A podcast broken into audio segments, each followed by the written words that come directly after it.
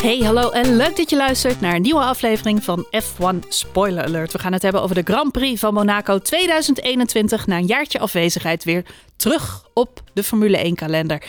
En ik moet zeggen, het was een optocht, maar ik heb er toch van genoten. Wat vind jij, Johan? Ik, uh, voor de verandering ben ik dat eens even volledig met je eens. Het was een, uh, het was een uh, spannend raceje uiteindelijk voor de niet-neutrale fans, voor de mensen met een oranje bril.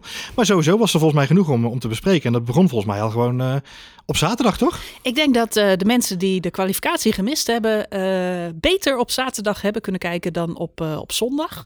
Het was in alle opzichten een ja, spannende kwalificatie. Gaan we het zo nog even over hebben. maar de, dat is natuurlijk eigenlijk altijd wel een beetje hè, met Monaco. Dus er zullen veel mensen zijn die zeggen: Ja, ik zit, ik zit 20 of hoeveel zijn het er? 78? 78 ronden lang. Ja, 78 rondes. Naar een optocht te kijken in veel te krappe straatjes. Aan de andere kant, ik zit wel twee uur lang met, met heftige hartkloppingen, zeg maar, te hopen dat, dat, dat iedereen het volhoudt. Of misschien dat sommige mensen het niet volhouden.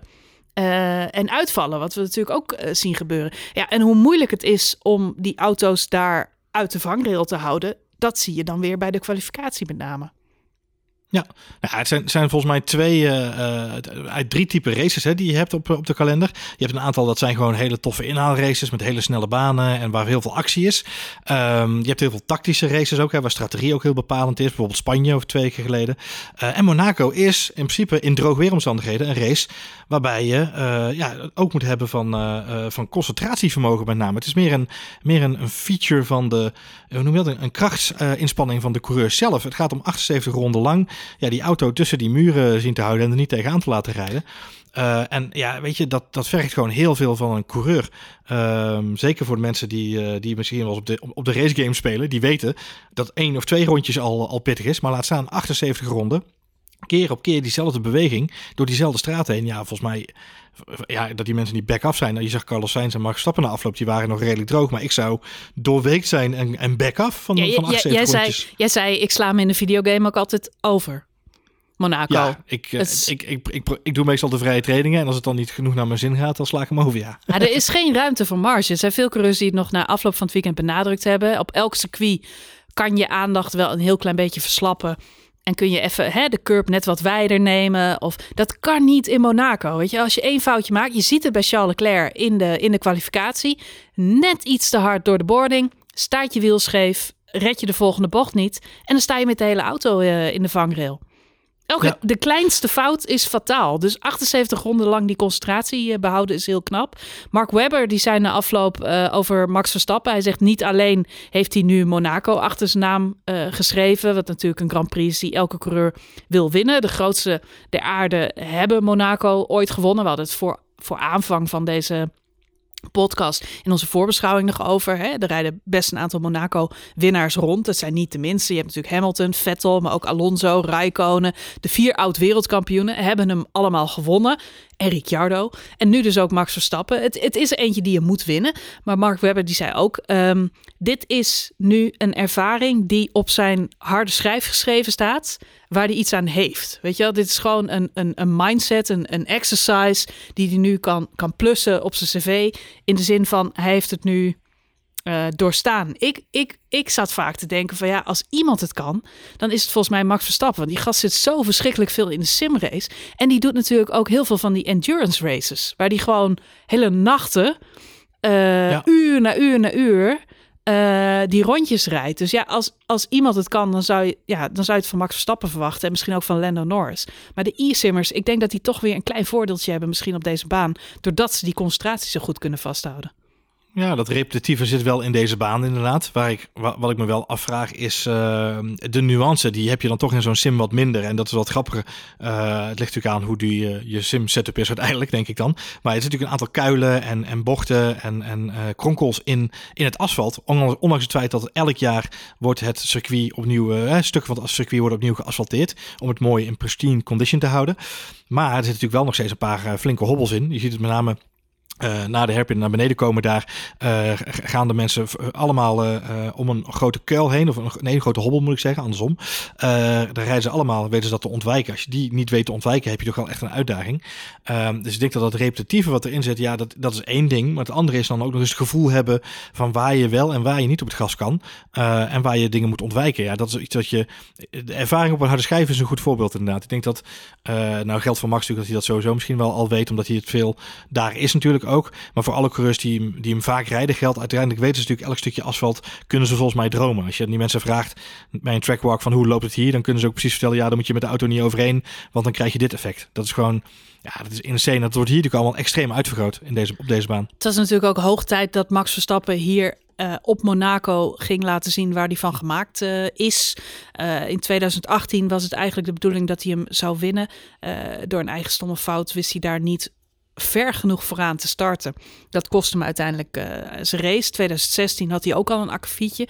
Dus het was ook wel misschien tijd, zou je kunnen zeggen. Het was een belangrijke, ook mentaal, de voorsprong die hij nu op uh, Hamilton uh, heeft. Hij staat voor het eerst bovenaan in het, in het kampioenschap wat de prestatie is. Maar ook Red Bull stevend voorbij aan, uh, aan Mercedes, die natuurlijk helemaal geen uh, goed weekend hadden. Maar ik vind de echte pechvogel van het weekend toch wel uh, Charles Leclerc. waar Max eigenlijk ja, dit weekend kan bovendrijven en liet zien dat hij, dat hij Monaco kon handelen, om het maar zo te zeggen. ja, was Charles Leclerc dat niet. Want ja, weet een pole position eruit slepen. Zet een fantastische dijk van de ronde neer in die kwalificatie. En verprutst dan in die allerlaatste ronde. Uh, het is trouwens niet de eerste keer hè, dat, uh, dat, dat, dat Charles Leclerc hier uitviel. Hij heeft nog nooit een Grand Prix in de Formule 1 uitgereden. Maar ik heb nog even opgezocht, ook in de Formule 2 heeft hij nooit een race uitgereden op Monaco. Nee, hij, nog, hij nog nooit een race daar nee, nee, hij komt notabene daar vandaan. Het is thuis Grand Prix, maar op de een of andere manier... ja, toch de kleine foutjes. Ja, het is de slechtste thuis, eh, thuismarge alle tijden inderdaad. Ja. Het slechtste thuisresultaat ooit. Ja. Het is niet zijn, eh, niet zijn baan. Het is, uh, en ook dit weekend weer. Mag je hem dat kwalijk nemen, vind je? Nou ja, het ligt er een beetje aan natuurlijk waar de verantwoordelijkheid ligt. Dit weekend mag je hem dat in die zin kwalijk nemen dat hij uh, op zijn Leclerc te ver gaat. Uh, en dat is uh, denk ik iets wat heel belangrijk is. Voor de mensen die de vrije trainingen gezien hebben, is Ferrari zat vanaf dag één zaten ze ineens vooraan, deden ze mee. Ze zaten er echt bovenop. Um, en de reden waarom ik onder andere ook in mijn voorspellingen in onze fantasy game Leclerc op het podium had staan, is omdat Charles Leclerc van de twee Ferrari-coureurs Sainz en, en Leclerc het meest in staat is om uh, het maximale uit dat sinaasappeltje, of in dit geval deze rode bloedsinaasappel, te persen. Um, om te zorgen dat hij, dat hij ja, toch die, ene magistrale ronde weet te rijden. Dat laat hij eigenlijk al jarenlang zien bij Ferrari. Um, vorig jaar ook al, hè, die auto eigenlijk niet vooruit te branden was, maar dan haalde hij er toch weer iets uit waarvan je dacht, hoe dan? Uh, dat dacht Sebastian Vettel ook veel, denk ik, vorig jaar. Dit jaar denk je dat af en toe weer als je hem ziet rijden. Uh, maar in de vrije trainingen, zeker op de donderdag met de long runs, was eigenlijk wel duidelijk dat Carlos Sainz een veel sneller tempo had in race trim. Uh, die zat er eigenlijk veel lekkerder in. Dus er was uh, veel aangelegen om ehm, te zorgen dat hij voor Carlos Sainz zou starten. Dus ik snap wel waarom hij in die kwalificatie nog het maximale uit die auto probeerde te halen in dat laatste rondje. Omdat hij dus iets had van iedereen zit op de baan. Ik moet nu nog een keer proberen om onder mijn eigen tijd door te duiken. En volgens mij was hij ook wel redelijk op weg. Daartoe had volgens mij wel een goede, een goede start en een goede eerste sector ook erop zitten. Dus ik, ik heb het vermoeden gehad dat hij gewoon echt heeft geprobeerd om toch nog een, iets van die tijd af te schrapen die hij had. Ja, maar... En zoals, zoals het Charles Leclerc ja. betaamt, dat is dan vaak op het randje. En in dit geval netjes eroverheen. Ja, het was, het was geen goede eerste sector die hij neerzette. Dus hij had sowieso niet verbeterd. Maar je kon wel zien dat hij dat probeerde. En het, hij was natuurlijk niet de enige coureur die, uh, die een poging deed. Um, we zagen in de vrije trainingen ook uh, hoe bijvoorbeeld Schumacher zich onder druk liet zetten door, uh, door Mazepin eigenlijk. Wat natuurlijk hè, het gemiel van, uh, van het hele gezelschap is. En wat je dan ziet gebeuren, dat is dat Schumacher er eigenlijk heel erg van baalt dat zijn teamgenoot, ja. hè, waar, waarvan iedereen zegt, nou die pakt er niks van, die is dan langzamer. Uh, en dan zie je dat Schumacher net iets te veel risico neemt. En ook in de laatste vrije training notabene zijn auto in de, in de vangrail parkeert, waardoor hij niet kan deelnemen aan de kwalificatie. Wat natuurlijk ontzettende stomme rookie fout is. Tsunoda, die had op zijn, uh, op zijn donder gekregen dat hij die auto toch maar wel heel moest houden hier op Monaco. nou, die heeft geen enkel risico genomen. Die heeft gewoon zo rondjes gereden en gedacht, uh, als ik hem maar heel hou. Volgens mij voor de Williams het, geldt hetzelfde verhaal. Dus ja, je ziet, ja. je ziet een beetje hoe die, die jonge gasten daarmee omgaan. Um, uh, er zijn een aantal die nemen net iets te veel risico en dat pakt dan ook gelijk verkeerd uit. Wat mij in elk geval opviel, dat is dat verder alle coureurs dus wel de race wisten uit te rijden. Of dat nou ook kwam door hè, dat, dat, die incidentjes met Schumacher en Leclerc. Het zet denk ik wel iedereen op scherp. Er zijn er gewoon een aantal die durven het risico niet te lopen. En dat zie je ze dan ook uh, ja, niet nemen eh, in de race. Nee. Uh, ja, Leclerc deed dat wel. Je had kunnen zeggen, was hij daar niet gecrashed, uh, had Max Verstappen misschien nog pole position gehad. Hij was uh, bezig aan een hele snelle ronde. We hebben nog even gekeken naar de data. Leclerc was niet aan het verbeteren. Sainz was in zijn eerste sector ook niet aan het verbeteren. Max was dat wel. Nee. Maar ja, jij zei terecht, Max' middensector was eigenlijk niet zo heel erg best in die, in die Red Bull. Nee, daar verloor hij bijna, bijna 2,5 tiende of zelfs iets meer. Uh, zeker in de eerste ronde die hij neerzet in Q3. Dus uh, daar had hij echt wel een flinke hap moeten goedmaken. Uh, ja, je kunt natuurlijk nooit meer zeggen of het wel of niet zou zijn gelukt. hij denkt zelf wel, wel dat hij... Ja, nee, daarom. Dus ja, ik kan hem daar niet tegenspreken, want ik zit niet in die auto, dus ik kan het niet voelen. maar het voelt wel als een flink gat wat hij moet overbruggen. Dus het was niet alleen... Um, een hele dijk van de eerste sector rijden en zodat je je derde sector waar hij dat foutje maakte, waar hij dan misschien ook nog een tiende kon winnen, uh, dat hij daar dan ook nog een, een tiende had kunnen pakken. Dan had hij nog steeds bijna 2,5 tiende uh, goed moeten maken in de middensector. Uh, want die was echt wel voor Leclerc tijdens de zaterdag. Lastig inschatten. het is lastig inschatten. er zijn een hoop mensen ja. die zeggen Max heeft mazzel gehad eigenlijk met de fout van Leclerc. Het feit dat Leclerc uitviel betekende dat hij, dat hij vooraan kon rijden, de race kon domineren. Um, aan de andere kant zegt Max in de persconferentie in afloop van ja, je kunt zeggen mazzel, maar ik had ook pech omdat ik mijn laatste ronde niet kon afmaken in de kwalificatie en anders had ik zeker op pol gestaan. Hij baalde daar in elk geval onwijs van. Sainz trouwens ook. Sainz denkt ook dat hij een gooi had kunnen doen na die pole position. Uh, en dat, ja, ik begrijp dat heel goed, maar ja, net als jij, we zullen het nooit weten eigenlijk. Hè? Ik denk dat als je als eh, coureur in de top 4 uh, eh, van, uh, van deze kwalificatie van afgelopen zaterdag niet na afloop had gezegd: Ja, jammer dat dit gebeurde, want ik had op, op pol kunnen gaan rijden, dan had je er niet bij gehoord. Dus ik vind het heel logisch dat ja. zowel Verstappen als Bottas als Sainz roepen: Ja, nou had ik misschien wel pol kunnen rijden. Ja. weet je, dat, dat is ook logisch. kijk, voor de, voor de, het was voor een aantal mensen echt zuur en met name achterin. Dus klopt. Nou, uh, nog even over Ferrari. Want uh, jij zegt terecht, zij zaten er goed bij uh, dit weekend. Hadden eigenlijk een hele goede auto. Er gaan stemmen op dat de Ferrari eigenlijk geoptimaliseerd was op dit circuit. Dit had er moeten zijn. We hadden het net al even over 2018. Toen was dat eigenlijk het verhaal met de Red Bull, uh, weten we allemaal nog. Uh, het hele weekend draaide eigenlijk om het feit dat uh, Monaco gewonnen moest worden. Dat zou dan door Max Verstappen moeten gebeuren. Uiteindelijk ging Daniel Ricciardo er met die overwinning vandoor. Overigens was dat ook Daniel Ricciardo zijn laatste overwinning tot op heden in de Formule 1. Dus kun je nagaan hoe lang dat alweer geleden is. En dit weekend verliep natuurlijk dramatisch ook voor hem. Um, maar Ferrari, dit seizoen dus voor het eerst competitief. Uh, snel in de bochten. Dat had uh, alles te maken met uh, ja, extra downforce die de auto leek te hebben. Hetzelfde voordeel overigens had de McLaren. Kon je heel goed zien op dit circuit. Beide auto's waren heel sterk. Het was zelfs zo dat um, Carlos, nee, ja, Carlos Sainz al een appje had ontvangen voor aanvang van het hele raceweekend, als ik het goed begreep, van Lando Norris. Waarin Lando Norris de data had geanalyseerd en had gezegd: Carlos, jij kunt deze gaan winnen. Ja, ja, dat is een mooi verhaal inderdaad. Lando Norris had de data uh, recap gedaan samen met McLaren na afloop van Spanje. Uh, daar hebben ze alle analyses gedaan. En toen ze daar de debrief van hebben gehad, uh, heeft Lando Norris eens even zitten kijken. En toen dacht hij, ja, ja die Ferraris zitten daar gewoon heel goed bij. Dus die heeft zijn, zijn oude teamgenootje een berichtje gestuurd met de, de mededeling, joh gast, ik denk dat jij hem kunt winnen. En daar geloofde Carlos Sainz eigenlijk helemaal niks van. Die had zoiets van, nou, het zal wel. Maar vanaf het moment dat hij op donderdag in de auto stapte, realiseerde hij dat hij wel degelijk een, een hele goede auto onder de bib zat. En dat de kans toch wel heel erg groot was. En uh, vanaf dat moment begon bij hem ook het gevoel te groeien dat hij hem op pol kon zetten en daar zijn eerste Grand Prix kon winnen. Dus zijn teleurstelling is, is begrijpelijk. In de zin van, uh, er zat een opbouw achter, om het zo maar even te zeggen. een beetje geteased door zijn oude teamgenoot, waarmee hij dan uiteindelijk op het podium verschijnt.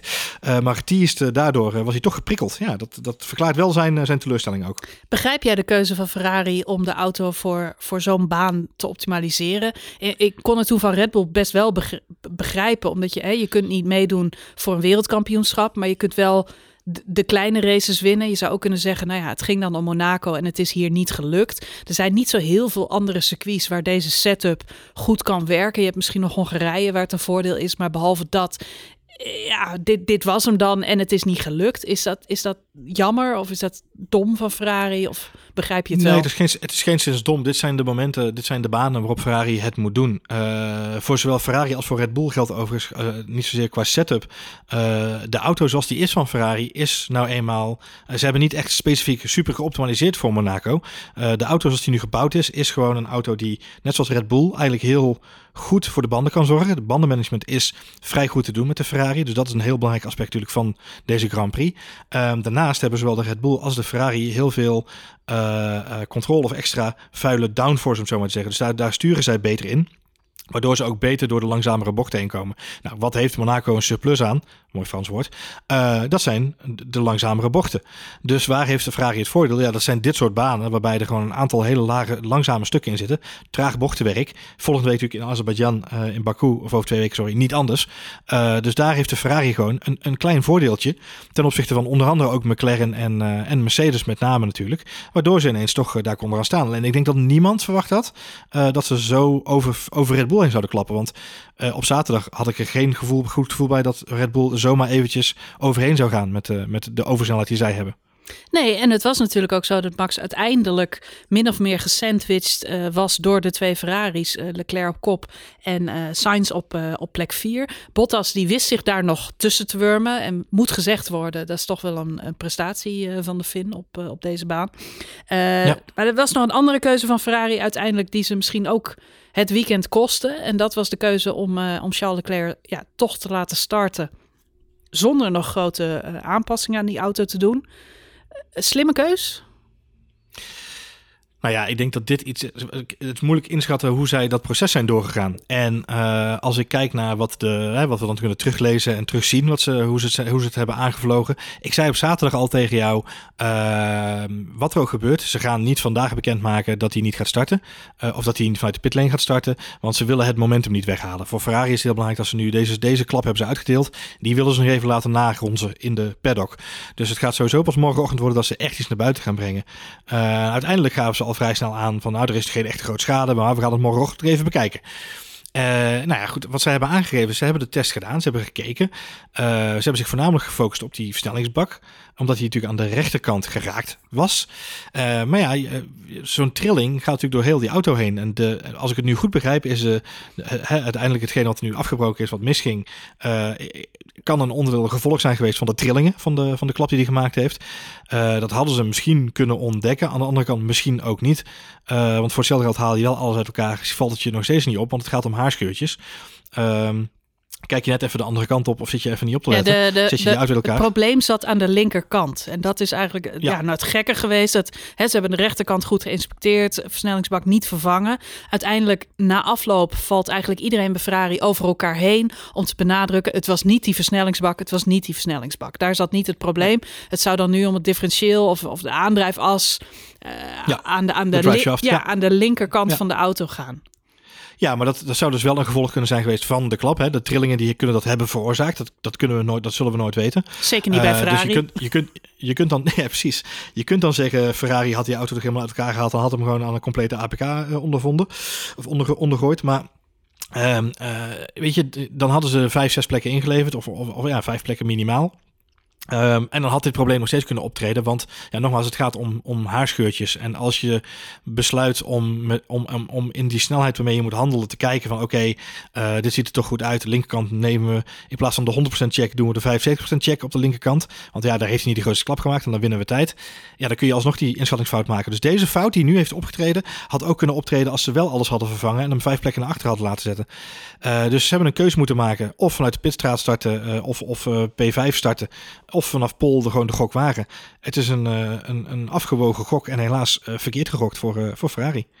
Ja, ja het, het blijft toch Ferrari. Ik heb er echt weer zo'n Ferrari gevoel bij. HBTF. ja, enerzijds denk ik, ja, Hè, ik, hè, dit kan natuurlijk en dit, dit script je allemaal niet. Het klinkt niet alsof hier opzet of uh, in het spel is. Niet bij de crash die, uh, die, die Leclerc heeft gemaakt. Dat, dat geloof ik niet. Daarvoor is de schade te groot en was hij ook te beteuterd na afloop.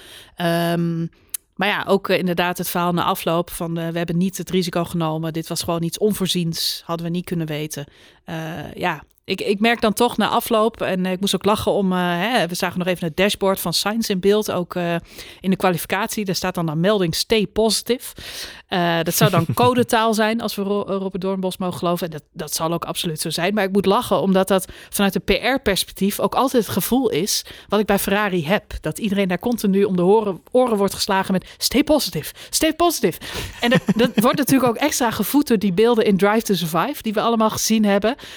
waar we een kijkje achter de schermen krijgen bij hè, met name het PR-team van Ferrari, waar alles altijd positief moet zijn. En Ferrari is natuurlijk vooral ook een merk, dus ik ben het helemaal met jou eens. Ik denk echt dat ze die pole position gewoon gevierd hebben als een overwinning we zijn er weer bij. Uiteindelijk levert het ze gelukkig ook wel een, eh, een podiumplek op voor Carlos Sainz. Ik vind dan toch ook wel mooi dat uh, Carlos Sainz uh, nou, ten eerste zijn eerste podium haalt hier, hier in Monaco. maar ook dat hij het eerste podium van Ferrari haalt dit seizoen. Dat gun ik hem dan toch ook wel. en ik denk ook trouwens dat voor de dynamiek in het team goed is.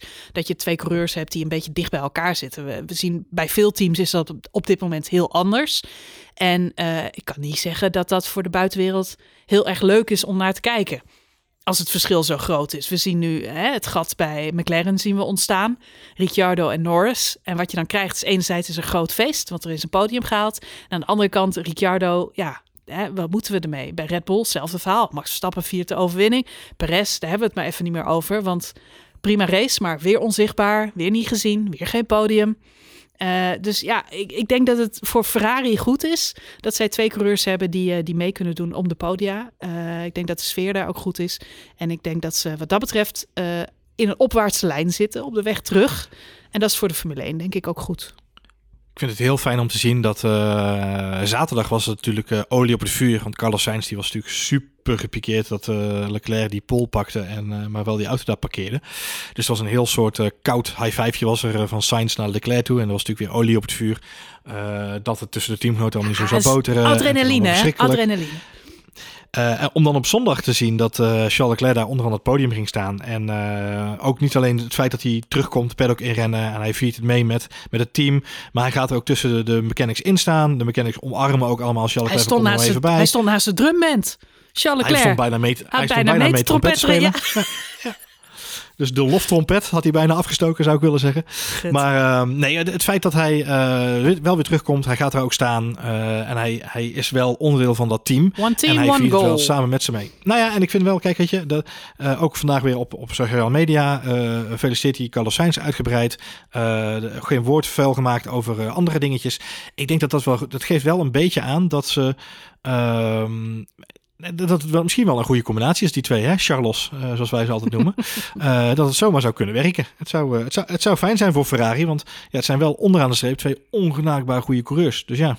Ja, ik vond, ik vond het in elk geval leuk om te zien. Ik, uh, gedurende de race, ik, ik vond het een hele spannende race. Niet vanwege de inhaalacties, want die waren er natuurlijk niet. Maar wel uh, omdat je op een gegeven moment hoopt dat, uh, dat dit toch de uitslag wordt. En ik weet, aan het begin van de race zat ik heel erg vurig te hopen. Het zou toch mooi zijn als Valtteri Bottas er nog op de een of andere manier tussenuit valt. Nou ja, mijn gedachte die werd, die werd werkelijkheid. Dus dat was dat is niet zo vaak zo als je sport zit te kijken. dus dat was, ja, ene, eh, maar ja, goed, als het dan gebeurt, vind ik dan natuurlijk ook wel weer sneu voor, uh, voor Valtteri Bottas. Uh, ja. tot op zekere hoogte. Maar ja, qua uitslag was dit wel mijn gedroomde podium hoor. Om, uh, om, om Sainz en Norris daarbij te hebben. Wat een topweekend van McLaren. Ja, heerlijk. Nee, Goed gedaan. Lennon Norris moet ik zeggen. Want het was een kut weekend voor Daniel Ricciardo. Die had het niet zo heel erg naar zijn zin inderdaad. Hey, wat er leuk is van dit podium, uh, schoot mij nog te binnen uh, net. Um, weet jij dat het, uh, het exact tien jaar geleden is dat we ook een podium hadden met Red Bull, Ferrari en McLaren? Wauw. Toen hadden we Sebastian Vettel, Fernando Alonso en Jensen Button op het podium staan. Ongelooflijk. Ik las wel dat het de eerste keer sinds 1991 is dat een Honda-team het wereldkampioenschap Formule 1 aanvoert. Ja, en volgens mij is het de eerste overwinning in Monaco sinds 1992. Uh, Ayrton Senna uh, voor Honda. Dus uh, Bizar, geeft wel aan dat het uh, van ver moest komen. En dat de, de, de drankjes nog lang gevloeid zullen hebben gisteren inderdaad. Ja, ja er was genoeg te veren. Uh, in elk geval ook bij uh, Team McLaren. we stipten het net al even aan. auto leek het goed te doen hier op Monaco. In elk geval wel voor Lando Norris, niet voor Daniel Ricciardo. Uh, die had echt een ontzettend rot weekend. Ik zat na afloop echt nog even naar de uh, nabeschouwing te kijken van de Formule 1 show zelf. Die hadden mm -hmm. uh, niemand minder dan Jacques Villeneuve te gast om, om, om mee te, na te beschouwen. Ik heb daar wel erg om gelachen. Ik blijf een beetje geschokt als ik Jacques Villeneuve zie. Ik heb al vaker gezegd, voor mij blijft hij een beetje de eeuwige rookie met zijn geblondeerde haren. Maar inmiddels is Jacques Villeneuve kaal. Ik weet niet of dat geblondeerde haar toch gevolgen heeft gehad wat dat betreft. Uh, Misschien zit het er nog onder ergens, je weet het niet. Hè? ik heb geen idee, maar ik blijf het heel raar te vinden. Om de, bij alle andere mensen heb ik niet zo'n problemen mee, maar als ik Jacques Villeneuve zie, dan denk ik... Hoe kan het nou de Jacques Villeneuve auto is geworden? Dat had ik op de een of andere manier niet verwacht. Uh, maar dat is hij wel. Uh, wat hij zei over uh, McLaren en dan met name over Daniel Ricciardo. Daniel Ricciardo is zelf op dit moment echt één groot vraagteken in zijn gezicht. Hij snapt gewoon niet waar het verschil vandaan komt. Hij zegt: Ik weiger te geloven dat ik twee tienden langzamer ben dan mijn teamgenoot. Ik snap het gewoon niet. Uh, wat ik interessant vond, Villeneuve zei daarover. Uh, eigenlijk zie je hetzelfde als wat uh, bij Red Bull ook vaak gezegd wordt. En dat is dat McLaren een auto heeft gebouwd rondom uh, de rijstijl van Lando Norris. En wat Daniel Ricciardo nu eigenlijk zou moeten doen, is met zijn engineers heel hard aan het werk gaan om die auto om te bouwen naar de rijstijl van Daniel Ricciardo. Hij zegt in best case zorgt hij ook voor een aantal aanpassingen die eigenlijk in het nadeel zijn van Lando Norris. Nou, zo kennen we natuurlijk Jacques Villeneuve weer. Uh, er zal dus ja. iets uh, niet filijns uit zijn, uh, uit zijn mond komen. Zag, zag jij, zag jij dat blonde haar of dat kale hoofd onder dat aluminium hoedje? Ik of, moet zo lachen. Want, hij had een... Wat? Hij heeft net zoiets hij had, als... Hij had zijn aluhoedje weer op. Nee, nou, het is gewoon hoe Jacques Villeneuve in elkaar steekt. En, Rosberg is een beetje hetzelfde. Ik krijg bij die mannen altijd de vibe van wie niet de sterkste is, die moet de slimste zijn.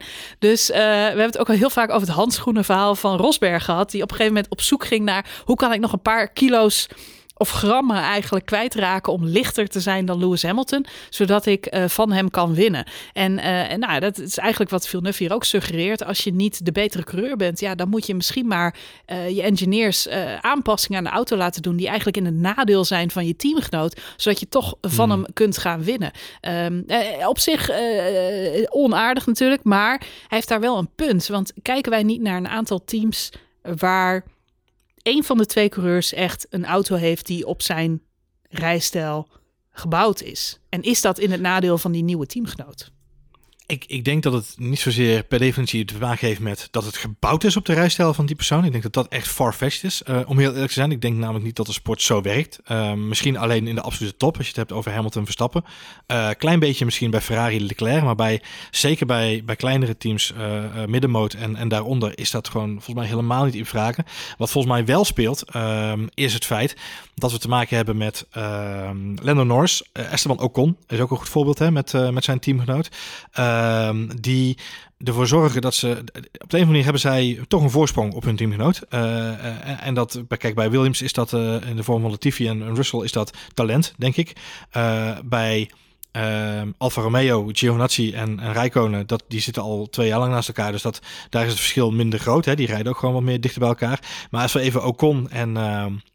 Ocon en, en, en Alonso pakken, uh, Norris en Ricciardo, ook Tsunoda en, en uh, Gasly. Wat je daar ziet is, er zit een, een ervaren coureur, iemand die al een jaar in die auto gezeten heeft of meer. Zit in, uh, zit in die eerste auto, om zo maar even te zeggen, en daar komt een teamgenoot bij. En dan ongeacht de ervaring, of je nou Fernando Alonso bent of Daniel Ricciardo of Yuki Tsunoda, het is toch altijd weer even wennen aan een nieuwe auto onderaan de streep. En dat zegt Ricciardo ook, het is gewoon wennen. Hoe ver kan ik gaan in deze auto? Wat kan ik wel, wat kan ik niet? Dus dat speelt sowieso. Daarnaast uh, uh, wat Jacques de Zak dan ook zegt, maakt me niet zoveel uit. Um, ze gaan niet meer aan die auto bouwen, want volgend jaar nieuwe reglementen, nieuwe auto's, nieuwe instellingen. Dus weet je, ik ben even team Alonso in dit geval. Sowieso altijd een goed team om te zitten. Uh, alles is maar om te zeggen. Maar team Alonso, wat Fernando Alonso ook heeft gezegd dit weekend, is ik wil niet dat Renault, excuus Alpine, nog dit jaar aan die auto ontzettend veel dingen gaat lopen veranderen om mij te plezieren. Laat mij maar in deze auto nu rondrijden en rondjes maken.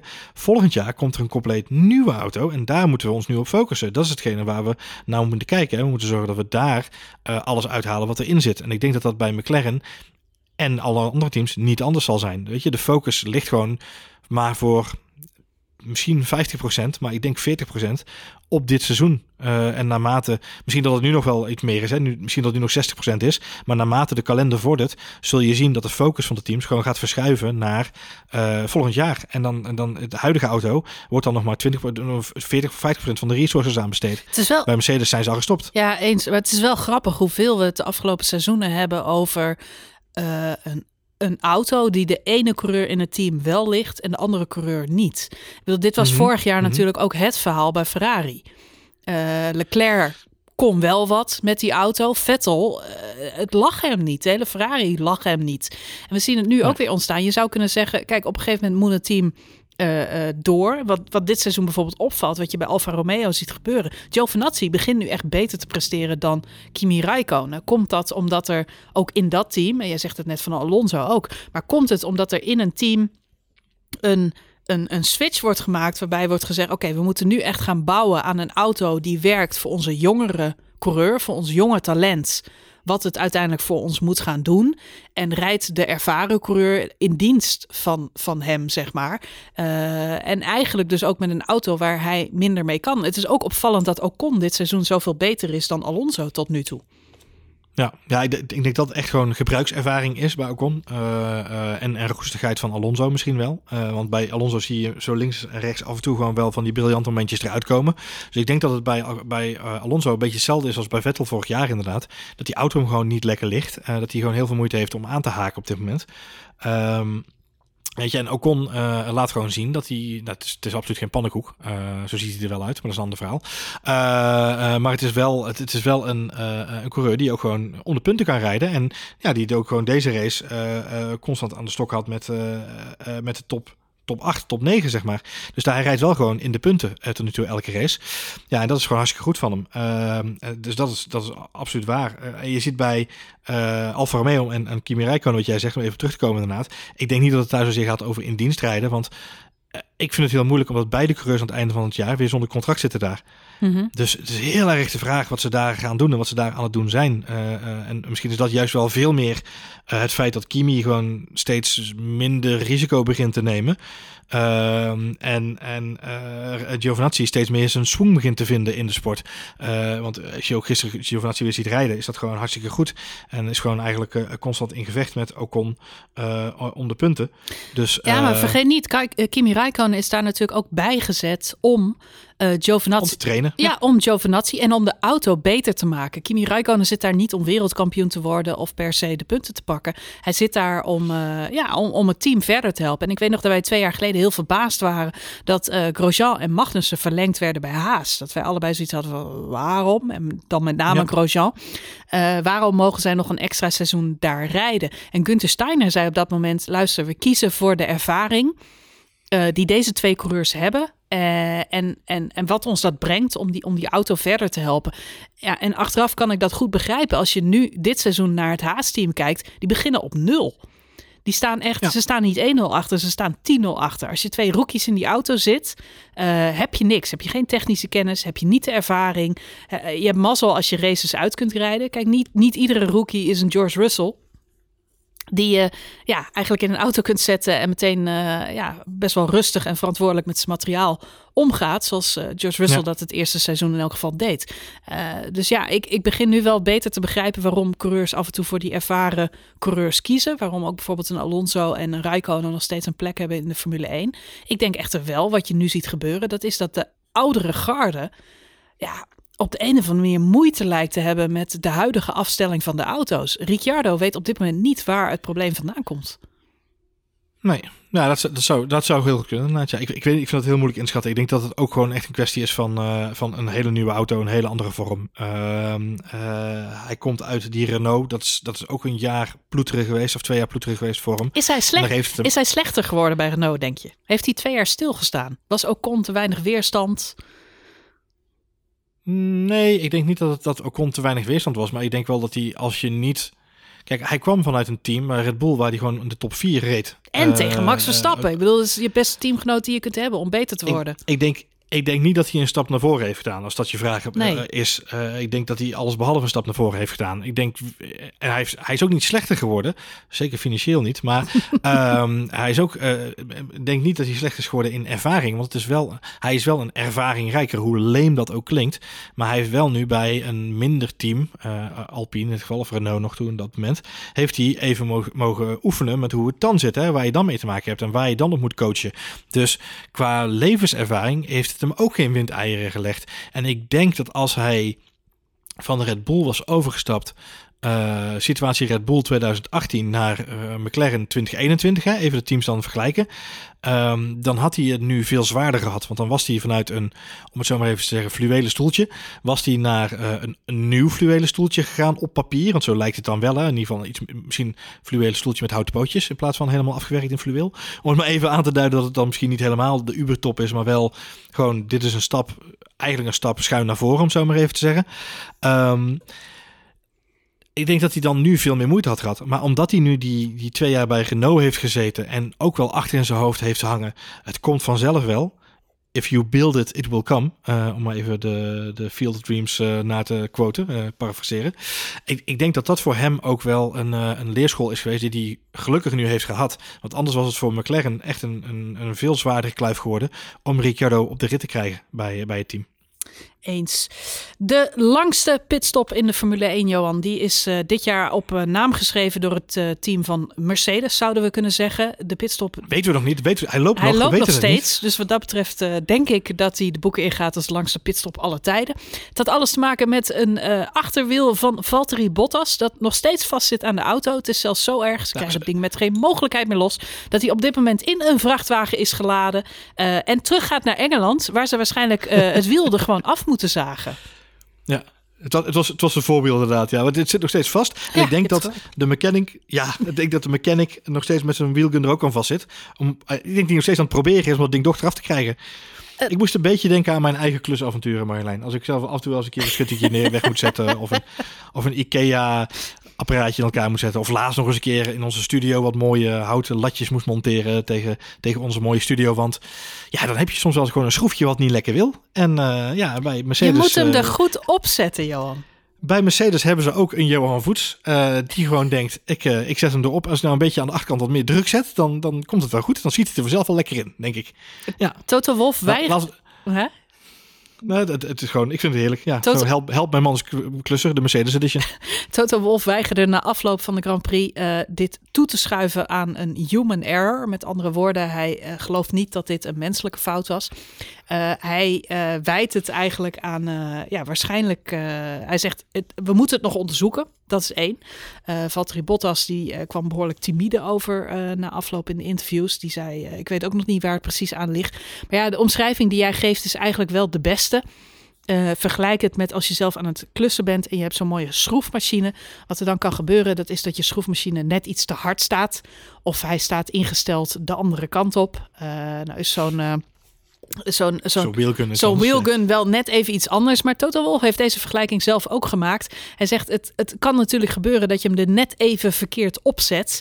Ehm, ja, en wat er dan gebeurt is dat eigenlijk die eh bout, zo moet je het zien, eh, eh, die draaien rond. Ehm, jij zei terecht al dat, dat dat kan ook komen omdat het, al, het is allemaal aluminium. Het, is, het wordt heel erg warm en heel erg heet. Het kan ook komen omdat je dat ding er verkeerd opzet. Total Wolf zei zelf, het kan ook een design fout zijn. En als dat zo is, dan moeten we heel goed kijken naar het design van onze wheelnuts. Want als dit kan, Ja. dit is natuurlijk een van de allerdomste, stomste fouten op het hoogste niveau. Dit, dit mag helemaal niet gebeuren. Ik denk, ik denk, om heel te zijn, Marjolein, het- ze gaan niet ooit zeggen dat dat soort dingen spelen. Weet je? Ze gaan zeggen, we zitten vast in het onderzoek. Dat gaan- ze gewoon zeggen. We blijven het onderzoeken. En we gaan het altijd voorkomen. En dan totdat niemand het er meer over heeft. Dus dan, dan is het gewoon dan, eh, de doofpot voor, voor wheelnuts, zullen we maar zeggen. Ehm, maar het is, kijk, het, het- kan zijn dat, het, dat de wheelnut vast zat. Ik denk niet dat het een, een human error is van iemand die te hard eh, dat ding erop gerost heeft of verkeerd. Volgens mij kun je hem niet eens echt, al zou je willen, er echt verkeerd opzetten. Maar volgens mij heeft dat ding gewoon de eerste keer geblokkeerd. Eh, hebben ze hem erop gezet, toch aangezet en heeft hij inderdaad eh, geschraapt. Het stomste wat je dan kunt doen is nog een keer proberen, denk ik dan. Maar hebben ze toch gedaan. En als je de foto's ook ziet, ze hebben hem gewoon helemaal glad, glad je ziet, je ziet, geschaafd. je ziet Dus de ja. vonken ervan afspringen. Het is, ja, Ja. je krijgt hem er met geen mogelijkheid meer af. Het is, eh, het is eh, klem is klem, om zo maar even te zeggen. Dus, maar wat we kunnen vaststellen is, als ze bij Mercedes falen, dan falen ze glorieus. Ja, het probleem zat namelijk niet alleen bij Valtteri Bottas dit weekend. Ook Lewis Hamilton had een absoluut KUT-weekend. Zo omschreef hij het zelf ook. Ehm, maar dan niet in het Nederlands, natuurlijk. Ehm, nee, hij, eh, ik moest wel lachen, want de afloop heeft Lewis Hamilton gezegd dat het eigenlijk maar een hele idiote baan is. Ehm, wat eh, ja, bewoordingen zijn die we niet erkennen van Lewis Hamilton. Meestal is hij galant, charmant, De complimenteus. charme was er vanaf. Ja. Maar op het moment dat het circuit even niet mee zit, eh, ja, laat hij die, eh, die eh, ja, hoe zeg je, beleefdheid eh, varen. Eh, hij gaf zelf ook voor de camera van Ziggo Sport aan dat hem niks te verwijten viel. Hij had niks beters kunnen doen. Hij heeft ook niks geleerd dit weekend. Zijn team daarentegen ja, kan nog wel het een en het ander opsteken van wat er wat dit ja, weekend gebeurd is. Hij zegt, eh, daar komt bij, mijn auto is een paar centimeter langer dan de rest van het veld. Het voelde alsof ik een bus aan het besturen was. Ja, zo voelde het inderdaad voor hem echt inderdaad. Dus hij heeft het echt gezegd, een bus. Nou, ja, het is natuurlijk het, bekende verhaal van de, de, iets langere, langere Mercedes, iets andere setup. Eh, en daarnaast gewoon het probleem van de banden, eh, die ze bij Mercedes niet aan de praat krijgen. Ehm, ja, dat is gewoon een, eh, fatale fout geweest voor, voor Mercedes dit weekend. Dus het, het zat er gewoon niet voor zin, helaas. Nee, het was geen best weekend. Daarentegen wel voor Max Verstappen. Denk jij dat Max overwinning op enig punt in de race nog in gevaar was? Nee, nee. Ik, eh, eh, ik zou willen zeggen ja om het spannend te maken en een cliffhanger te creëren, meer, maar hè? dat de is helaas is al afgelopen. Nee, ja, maar dat mensen dan denken, ja, misschien eh, komt er nog een scherpe analyse van een van deze twee mensen. Maar nee, ik, ik denk het niet. Eh, ik denk oprecht dat hij, eh, dat hij vanaf het moment dat hij wist dat hij de, de eerste start, hè, dat hij hem daar zo voor Bottas kon zetten, wist hij dat het in de pocket was. Dus ik denk dat het geen moment een, een echt een issue is geweest voor hem. Het was nog een klein beetje spannend, omdat hij natuurlijk aan de andere kant van de baan moest starten. We zagen bij de start gelijk dat hij zijn auto heel schuin naar voren zette. ja, om eigenlijk Valtteri Bottas de pas af te snijden. Was ook wel nodig, want aan die kant van de baan ligt net even iets minder rubber. Um, dus ik denk dat dat uh, strategisch een, een, slimme zet was van Max. Uh, die heeft natuurlijk ja, ook wel uh, de ervaring daar. Valtteri Bottas en de afloop. Ik moest echt even liften. Anders hadden we tegen elkaar gezeten. Maar het was natuurlijk een slimme move. Het was vooral nog even spannend na de eerste ronde met pitstops. De enige ronde met pitstops moet ik zeggen. Um, omdat je dan ja, goed het verschil ziet tussen die banden.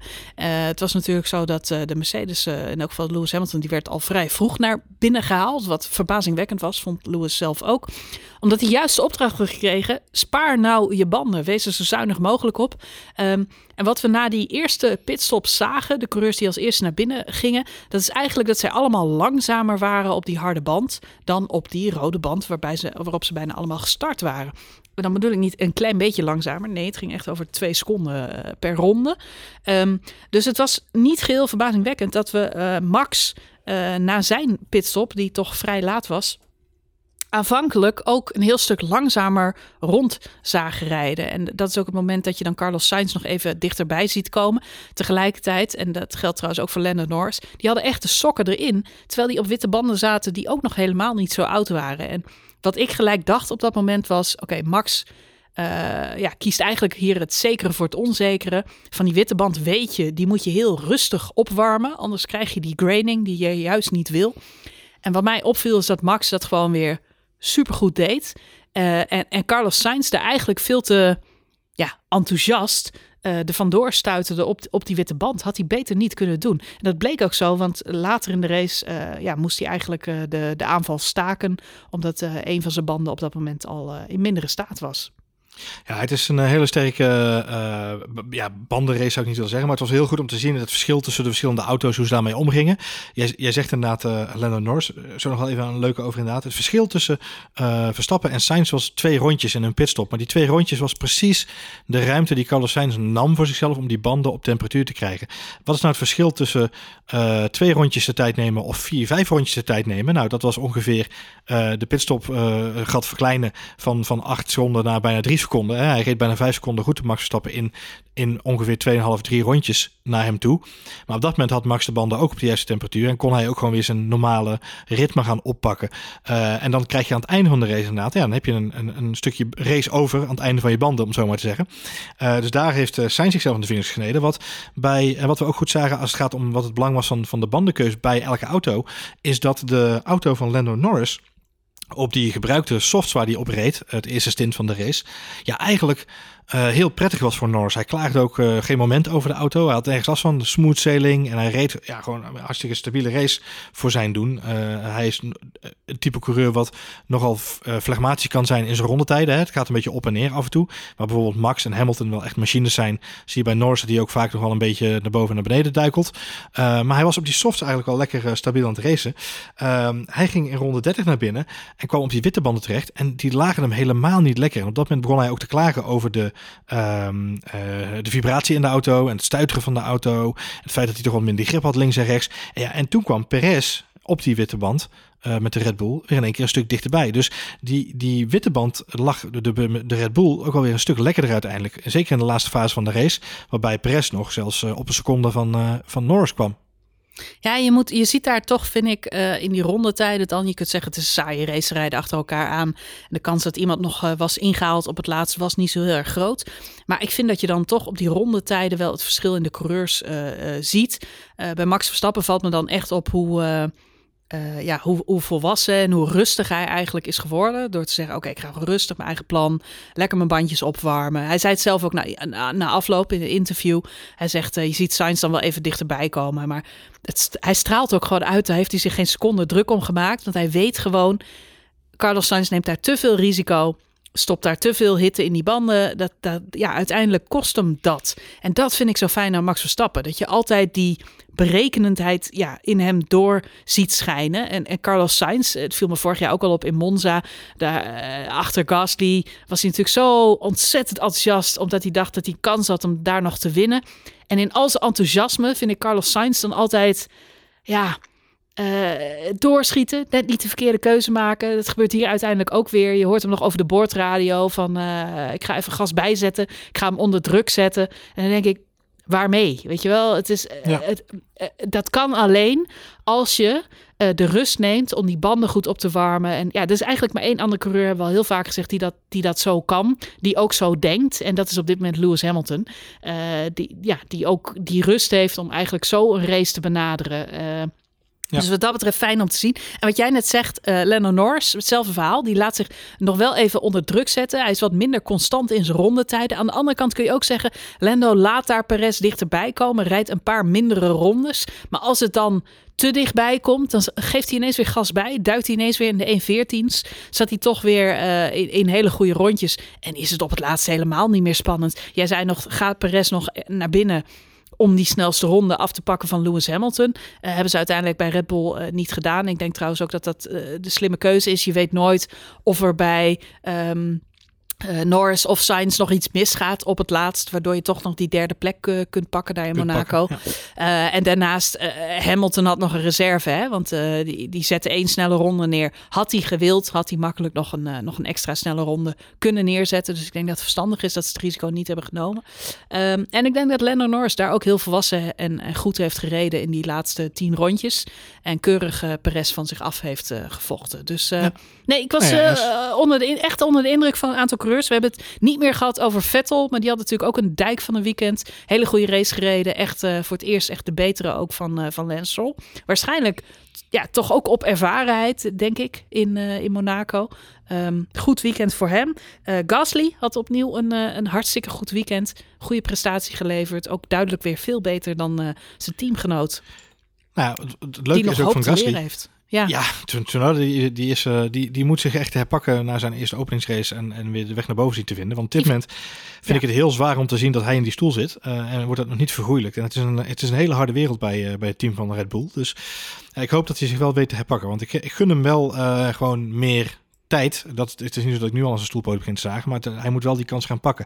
Voor Gasly is het, is het, was het een goed moment om uh, voor Hamilton te blijven. Uh, en dat was uh, cruciaal in, in de pitstopstrategie. Wat heel tof was bij Gasly was dat hij ook, net als Max Verstappen, de banden ontzettend goed gemanaged heeft.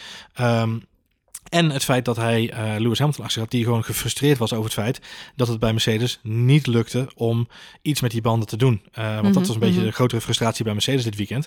Is dat uh, Lewis Hamilton wilde veel agressiever rijden. Zei ook van laat me dan maar gewoon de jacht openen op Gasly. Toen werd ik gezegd nee, nee rustig aan Lewis. We, we pakken hem wel met de pitstop.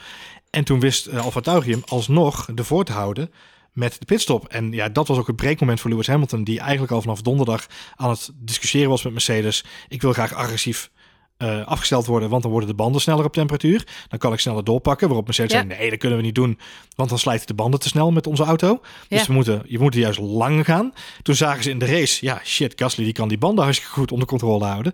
Dus ja, de enige manier die we nu kunnen krijgen om uh, Gasly te pakken, ja, dan is de afweging, misschien moeten we dan maar proberen om Gasly te undercutten, dat dat dan nog werkt. En toen bleef uiteindelijk Gasly er ook nog eens voor, omdat hij een ontzettende snelle inlap reed uh, op weg naar zijn pitstop. Ja, dat was gewoon heel bizar om te zien. Echt een puiken, van Alfa Tauri en, en Pierre Gasly in dit geval.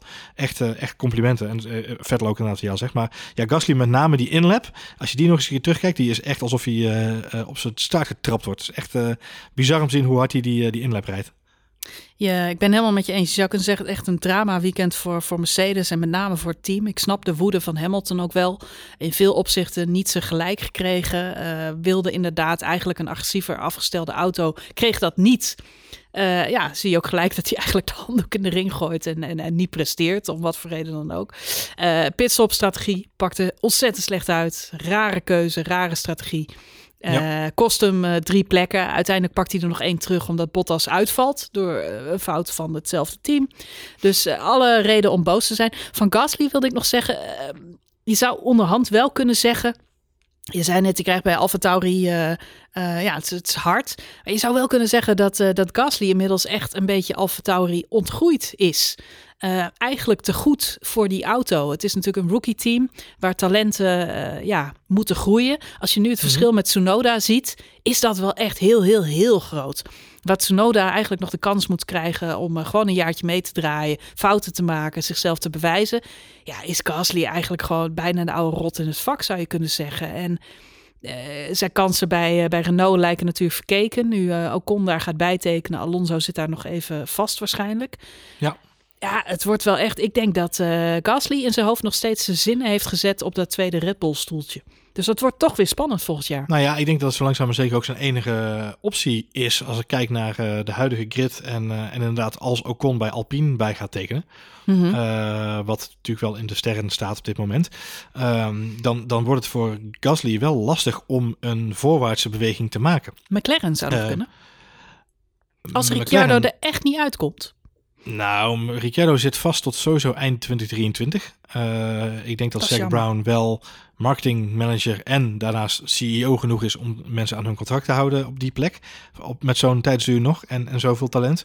Dus ik denk dat McLaren ook net gek zou zijn om, eh, om daar eh, eh, aan mee te willen werken. Ik zou, ik zou alles investeren op dit moment om te zorgen dat je de line-up Norris Ricciardo kan laten rijden. Want dan denk ik dat je echt, eh, als, als de veranderingen doorzetten zoals ze er zijn voor 2023, 2024, 2025, ja, echt een ontzettend sterk team hebt. eh, die met de top 3 slash top 4 Hè, dan ben je gewoon onderdeel van die, die topteams eh de komende jaren. Dus eh, ik denk dat dat geen, geen gaat bieden voor, voor Gasly. Dan, als je dan verder kijkt wat er dan is aan voorwaartse bewegingen. Ferrari ook niet, ligt ook lang vast. Eh, en vind ik ook niet echt 1, 2, 3 de juiste afweging voor iemand als Pierre Gasly, denk ik. Vind ik, wel, ik Eh, vind het wel, ik vind het wel bij Gasly passen. Maar ik denk wat jij zegt, het ligt vast. En Sainz en Leclerc Ja. gaan daar Dus lang het- zitten. Dus dan is het qua, qua voorwaartse bewegingen is het vrij, eh, vrij beperkt. Dan heb je aan zijwaartse bewegingen heb je inderdaad Alpine. Dan gaat een stapje naar zij, naar links, naar rechts bewegen. Ehm, dat zou kunnen. Alpine eh, zou dan nog een optie zijn. Maar daar ligt Alonso lang vast en dan gaat Ocon waarschijnlijk bijtekenen. Ja, dan, dan wordt de spoeling heel dun. Want weet je, Alfa Romeo slash Sauber... Dat, dat is hem niet ten opzichte van Alfa Tauri. Want bij Alfa Tauri zit er wel veel meer budget en ambitie achter dan bij Sauber. Laten we dat Wat je voorstellen. wel zou kunnen zeggen, en Perez zegt het zelf ook. Eh Perez blinkt op dit moment niet uit in die kwalificaties. De, de zaterdagen van Perez zijn gewoon nog niet goed. Terwijl Gasly over het algemeen wel echt een, een kwalificatietijger is. Dus als je puur naar de data zou gaan kijken, zouden ze bij Red Bull toch ook nog eens achter de oren moeten krabben. Eh, en, en ja, kijken of Gasly niet toch uiteindelijk nu de betere keuze is. Nou ja, ik denk dat ze dat ook wel gaan doen. Zo, zo eerlijk zijn ze denk ik wel bij Red Bull. Eh, en zo slim zijn ze ook wel. Als ze hem in de stal hebben, eh, dan, dan zouden ze dat zeker moeten doen. Eh, de vraag is echter wat ze dan met, met eh Alfa Tauri nog moeten gaan doen. Want daarachter Ja. zou Albon dan weer kunnen instappen. Maar vanuit Formule 2 hebben ze nu ook een aantal jongens die... Goed was, hij was er gewoon weer bij hè, dit weekend. Staat op alle foto's het weekend van zijn leven gehad. Hartstikke gezellig. Ja, daarom. Dus die, die Hij heeft ook wel een echt, zin gehad. als je het hebt over teamplayers, maar Albon is wel een teamplayer. Die laat zich niet kennen en doet gezellig mee. Dus, ehm, dus het zou mij Nou ja, niet dat- verbazen als die weer in kan stappen bij Alfa Tauri op Ja, termijn. maar dat geeft ook wel. Dat geeft ook wel. Kijk, eh, in deze sport is iedereen enthousiast zolang er een wortel voor, de, voor de, het ezeltje wordt gehouden. Dus er is iets wat hem daar houdt. Weet je, zo, zo simpel moet je het ook bekijken. Eh, als, er, als er geen intrinsieke of extrinsieke motivatie zou zijn voor deze jongens om dat stapje extra te doen voor een club of voor een team, sorry, dan, dan zouden ze dat ook niet zomaar doen. Dus het feit dat Albon daar is, staat te shinen als dingetjes doet, et cetera.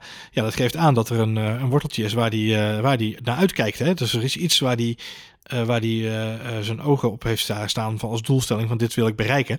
Ja. Ik denk inderdaad een terugkeer bij het uh, dat dat niet eens heel erg onmogelijk is als Pierre Gasly een, een beweging maakt. Ja, Ehm, kijk, zij zien ook bij Red Bull zien zij ook eh Sainz rijden dit weekend, hè? ja, ja, en zij zullen denken dat hebben we een keer eerder meegemaakt. Ja.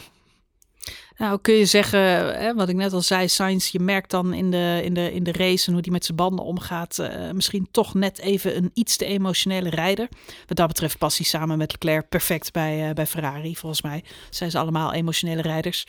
Seb Vettel paste daar ook perfect, denk ik. Dus eh, wat dat betreft misschien een goede match.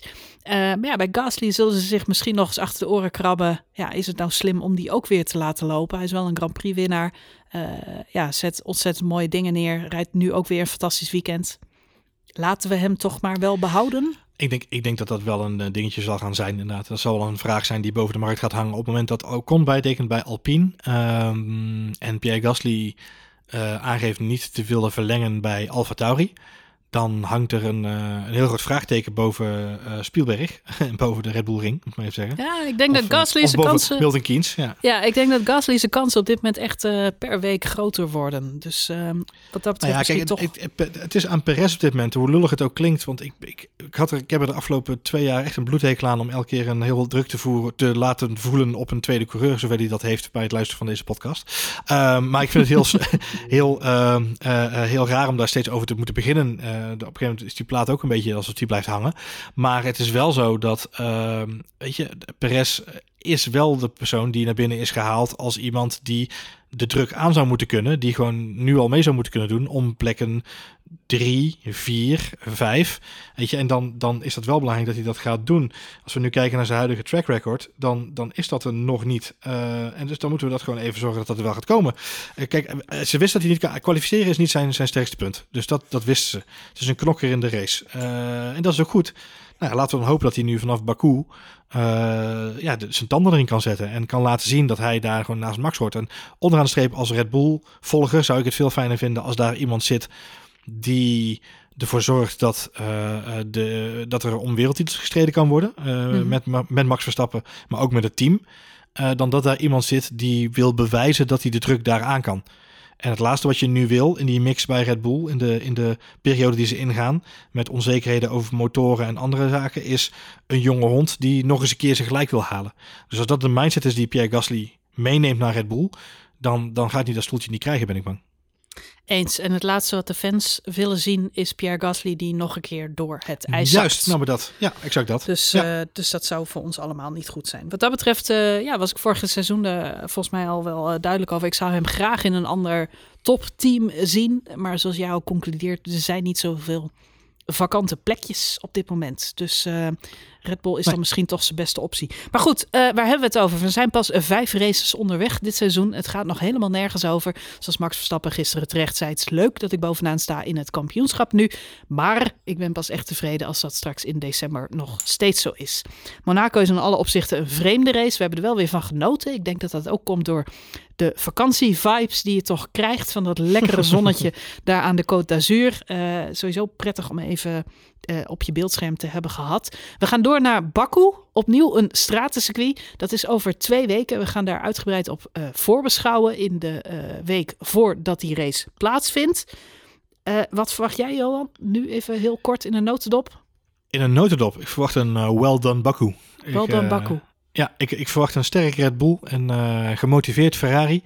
En een uh, tot op de tanden gewapend uh, Mercedes. Die hopelijk de komende twee weken hun waffel houden met alle woordspelletjes. Ik ben er ook bang voor. Zoals Mark War ja. Webber. Ja, precies. De woordspelletjes die ben ik wel een beetje beu. Mark Webber die verwoordde het. Er is niks zo gevaarlijk als een teleurgestelde, gefrustreerde Lewis Hamilton. nou ja, ik denk dat het waar is. En uh, ik, ik, ik, sluit me heel erg aan bij Max Verstappen zijn woorden in de persconferentie. Uh, actions speak louder than words. Uh, dat was de steek die hij nog even moest geven. Naar aanleiding van de, woord, de, de mind games die Mercedes de afgelopen twee weken heeft gespeeld. Richting Red Bull, naar Spanje. Hè, dat, door te zeggen dat Max nog te veel foutjes maakte. Dat Red Bull er niet lekker in zat. Ik denk dat dit voor Red Bull de ultieme middelvinger was onderaan de streep. Dat hebben ze ook uitgebreid laten merken in alle persconferenties en alle quotes. Maar het is nu wel zorg dat ze alle twee ophouden met te veel lullen. En echt flink gaan poetsen. Want ze zullen ook bij Red Bull niet achterover kunnen leunen nu. Bij, bij, Mercedes zullen ze getergd tevoorschijn komen in Baku, ben ik bang. Daar ben ik ook bang voor. Nog laatste ding wat ik wil zeggen. En dat is die livery van McLaren. Mag die alsjeblieft nog een keer terugkomen dit seizoen? Please. Please. Ja, het voordeel is. Het voordeel is, ze hebben ja. natuurlijk resultaten mee behaald. Dus het is anders dan bij Mercedes. Als je dan een livery doet en je wordt gelijk laatst in de race en al, iedereen valt uit en je pitstops duren 33 dagen, dan is het natuurlijk heel erg vervelend. Dan ga je nooit meer zo'n livery doen. Maar ze hebben nu wel resultaten mee behaald. Dus voor de good luck vibes zullen ze misschien wel besluiten om het nog een keer te doen. Dat zou natuurlijk te gek zijn. Aan de andere ah, kant, deze one-off maakt het ook wel speciaal als ze het nu gedaan hebben. Ja, dat is waar. Maar ik, oh, ik was eh, over alle, hun app, hun website, hun merchandise, hun auto, hun helmen, hun koptelefoons. Echt alles zag er sweet uit dit weekend. Dus uh, heel erg van genoten. Uh, goed, we gaan afronden. Wil je reageren? Dan kan dat zoals altijd via onze social media kanalen. De Telegram app is er natuurlijk. op Twitter zitten we ook. At F1 Spoiler Alert. Of at Marijn. Of at Johan Voets. Ja, kan ook. Uh, of laat je review achter in een van de podcast-apps. Vinden we ook altijd leuk om te lezen. We, gaan, we gaan weer even binnenkort weer even reviews voorlezen, Marlijn. Vind ik altijd oh ja, leuk. Dus, Doen we dan in de als, update. Als, als, eh, als, mensen een, een, leuke review kunnen achterlaten bij, uh, bij de, hun podcast-app, laat het ons even weten. Dat je de, dan gaan wij even de reviews weer erbij pakken en doorscrollen. Hoor en dan pakken we de leukste reviews terug. Ja, hoor je jezelf terug in onze nieuwste aflevering. Leuk. Hartstikke goed. Nou, dank voor het luisteren. We gaan door naar Baku. Over twee weken, 6 juni, wordt er weer gereest in de Formule 1. Wij hebben er zin in. Heel graag tot de volgende keer.